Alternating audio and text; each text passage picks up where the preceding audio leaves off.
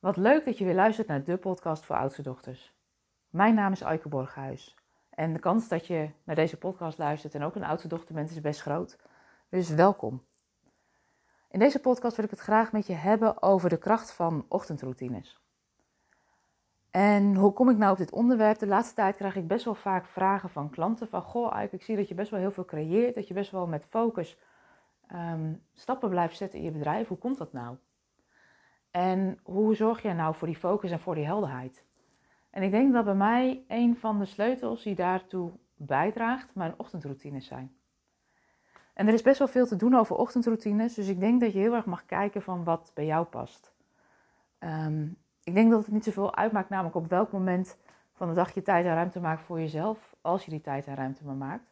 En voor mij werken de ochtendroutines goed omdat ik een ochtendmens ben. En ik ben zelf in 2015 begonnen met mijn ochtendroutine. En de reden waarom ik ben begonnen met mijn ochtendroutine is omdat ik in die periode merkte dat ik eigenlijk altijd al um, gespannen op mijn werk aankwam. Dat ik eigenlijk um, de dag al met haast begon. De wekker ging, mijn kinderen moesten uit bed, ze moesten ontbijten, ze moesten eten, ze moesten naar school. Vervolgens moest ik naar mijn werk. En ik merkte dat ik eigenlijk alles met haast deed. En dat wilde ik eigenlijk niet meer. En dat is voor mij de reden dat ik ben begonnen met die ochtendroutines. Nou, hoe ziet die ochtendroutine voor mij er nou uit? Voor mij betekent dat dat ik een uur eerder opsta dan mijn gezin. Um, omdat dat al vanaf 2015 zo is, weten ze ook dat ze s ochtends niet in de woonkamer mogen komen als ik daar ben. Het eerste uurtje van de dag is voor mij. En toen ik begon met uh, mijn ochtendroutines, heb ik dat eigenlijk opgepakt volgens het boek van Hal Elrod, The Miracle Morning. En ja, de ondertitel van het boek is Zes gewoontes om je leven succesvoller te maken voor 8 uur s ochtends. En ik weet nog wel dat ik in die periode dacht, oh, nog een uur eerder mijn wekker zetten, ik ben al zo moe. Um, want in die periode was ik al blij dat ik mijn kinderen gewoon op tijd op school had met hun lunchtrommels, met hun gymtassen. En ook nog gedacht had aan dat lege melkpak wat nodig was voor een knutselactiviteit. Sinds ik ben begonnen met mijn ochtendroutines ervaar ik veel meer rust in de ochtenden. En daarom zou ik je willen uitnodigen om het ook een kans te geven. Ik neem je eerst even mee in hoe Hel Elrod dat um, ochtendritueel opbouwt. En ik neem je vervolgens ook mee in hoe dat voor mij werkt. Het idee achter de Miracle Morning is dat je de dag doelbewust opstaat. Niet omdat het moet, maar omdat je dat zelf graag wil. Omdat je eigenlijk de tijd neemt om je eerst te verbinden met jezelf en je de ruimte maakt om je te ontwikkelen tot de persoon die je graag zou willen zijn of ruimte te maken voor de dingen die je graag wilt doen of bereiken. De principes die um, Hal Elrod bespreekt in het boek zijn eigenlijk zes gewoontes die je helpen om je leven succesvoller te maken. En die gewoontes zijn stilte, lezen, affirmaties, dagboek schrijven en beweging. En visualisaties. En nou ja, als je het hebt over stilte, dan gaat het over de dag in stilte beginnen. Dan gaat het over de dag verbinden met jezelf. Door rustig te ademhalen, je ademhaling naar je buik te brengen. En als je vanuit deze rust de dag opstart, ben je veel meer ontspannen.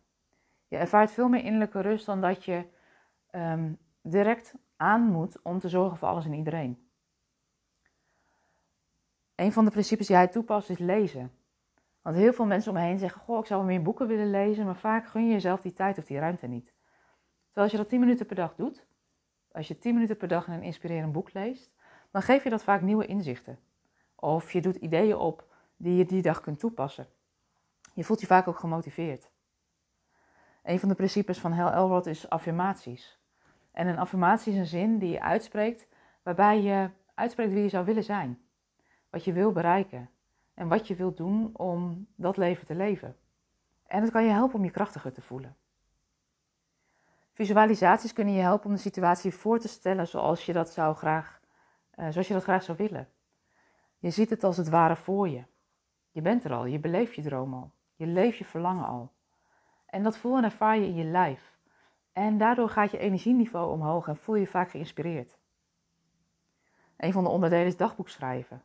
Waarbij hij ervan uitgaat van als je iedere ochtend 10 minuten in je dagboek schrijft, dus eigenlijk gewoon schrijven wat je bezighoudt, dan, um, en je schrijft ook op waar je dankbaar voor bent, ook dan voel je je vaak fijner. Ook hierbij helpt het eigenlijk om je energieniveau te verhogen. En een van de onderdelen van zijn ochtendroutines is beweging. Want als je beweegt, dan maak je je lijf wakker en ben je klaar voor de dag. En dat maakt vaak dat je je ook energieker voelt. Toen ik begon in 2015 heb ik het ook op deze manier opgebouwd. Een uur eerder opstaan en eigenlijk deze principes toepassen. En nou ja, wat ik merkte is een aantal dingen werken wel voor mij en een aantal dingen werken niet voor mij. Dus ik blijf ook iedere keer wel een beetje uitproberen van wat werkt voor mij en wat werkt voor, voor mij niet. Maar als ik kijk naar wat mijn ochtendroutines mij hebben gebracht, is dat het voor mij bijna voelt alsof er een leven is voor mijn ochtendroutines en dat er een leven is na mijn ochtendroutine. En dat klinkt heel groot en voor mij is het dat ook. Want doordat ik de dag in stilte begin, heb ik altijd een rustige start van de dag. Ik ben meer ontspannen en dat merkt mijn omgeving ook. Als ik kijk naar mezelf, de dagboek schrijven heb ik uh, veranderd in het schrijven van de ochtendpagina's, geïnspireerd op het boek van Julia Cameron, ook echt een aanrader. Waarbij ik eigenlijk, of eigenlijk over drie bladzijden gewoon een soort braindump doe over wat me bezighoudt, wat er in mijn hoofd zit, wat er allemaal nog moet gebeuren. En vervolgens maak ik contact met mezelf en stem ik af van, hé, hey, wat zijn de drie dingen die me vandaag nou dichter bij mijn doel brengen?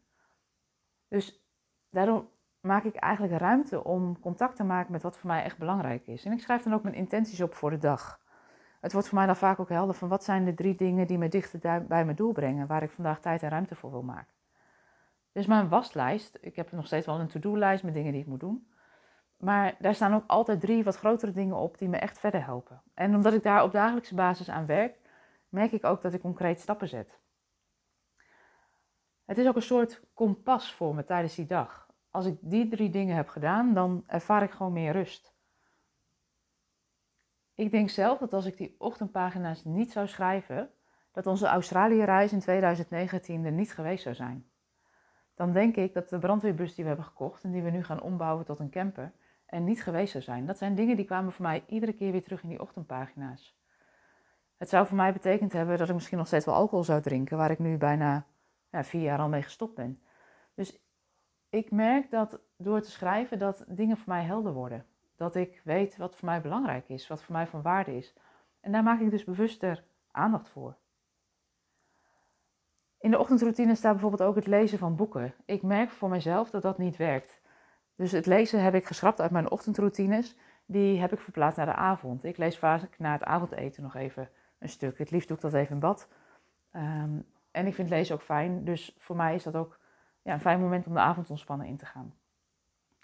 Wat voor mij ook werkt in uh, de ochtendroutines is dat ik me afstem op de Maya-kalenders. Ik doe dat ook al een aantal jaar. Ik schrijf ook al een aantal jaar in die logboeken. Uh, voor mij is dat heel fijn om ja, me even af te stemmen op de, dag, de dagenergie. Um, ja, en dat, dat is wat voor mij werkt. En ik trek altijd een inzichtkaart voor de dag. Dus dat is eigenlijk hoe mijn ochtendritueel eruit ziet. Ik drink een glas heet water. Ik uh, neem een vitaminepil. Um, ik zorg dat ik mijn ochtendpagina schrijf. Ik schrijf in de Maya-logboeken en ik trek een dagkaart. En ja, ik denk dat het niet zozeer heel veel uitmaakt hoe jouw ochtendroutine eruit ziet, maar dat je jezelf de vraag is stelt van hey, um, hoe maak je nou op dagelijkse basis ruimte voor de dingen die voor jou belangrijk zijn? En het voordeel wat voor mij die ochtendroutine brengt, is dat ik de dag begin in verbinding met mezelf. En ik heb dat moment aan het begin van de dag al gepakt en dat levert me gewoon heel veel winst op. Nee, ik ben wel benieuwd wat jouw ochtendroutine is, wat voor jou werkt. Misschien heb je wel geen ochtendroutine, misschien wil je dat ook wel helemaal niet. Maar ik vind het altijd leuk om te horen wat de ochtendroutines zijn voor mensen, zodat uh, we van elkaar ook kunnen leren. Misschien heb jij wel iets wat voor mij heel goed werkt, of heb ik iets wat voor jou heel goed werkt. Het belangrijkste is, denk ik, voor alle oudste dochters, is dat je op dagelijkse basis tijd en ruimte voor jezelf inneemt. En ja, niet langer genoegen neemt met de restjes.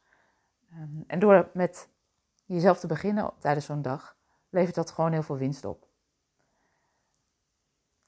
Ga eens nadenken over ja, wat voor jou zou kunnen werken of niet. Je hoeft niks, maar het is ja, een idee wat je zou kunnen helpen. Um, en ik ben heel benieuwd wat het, uh, wat het je oplevert.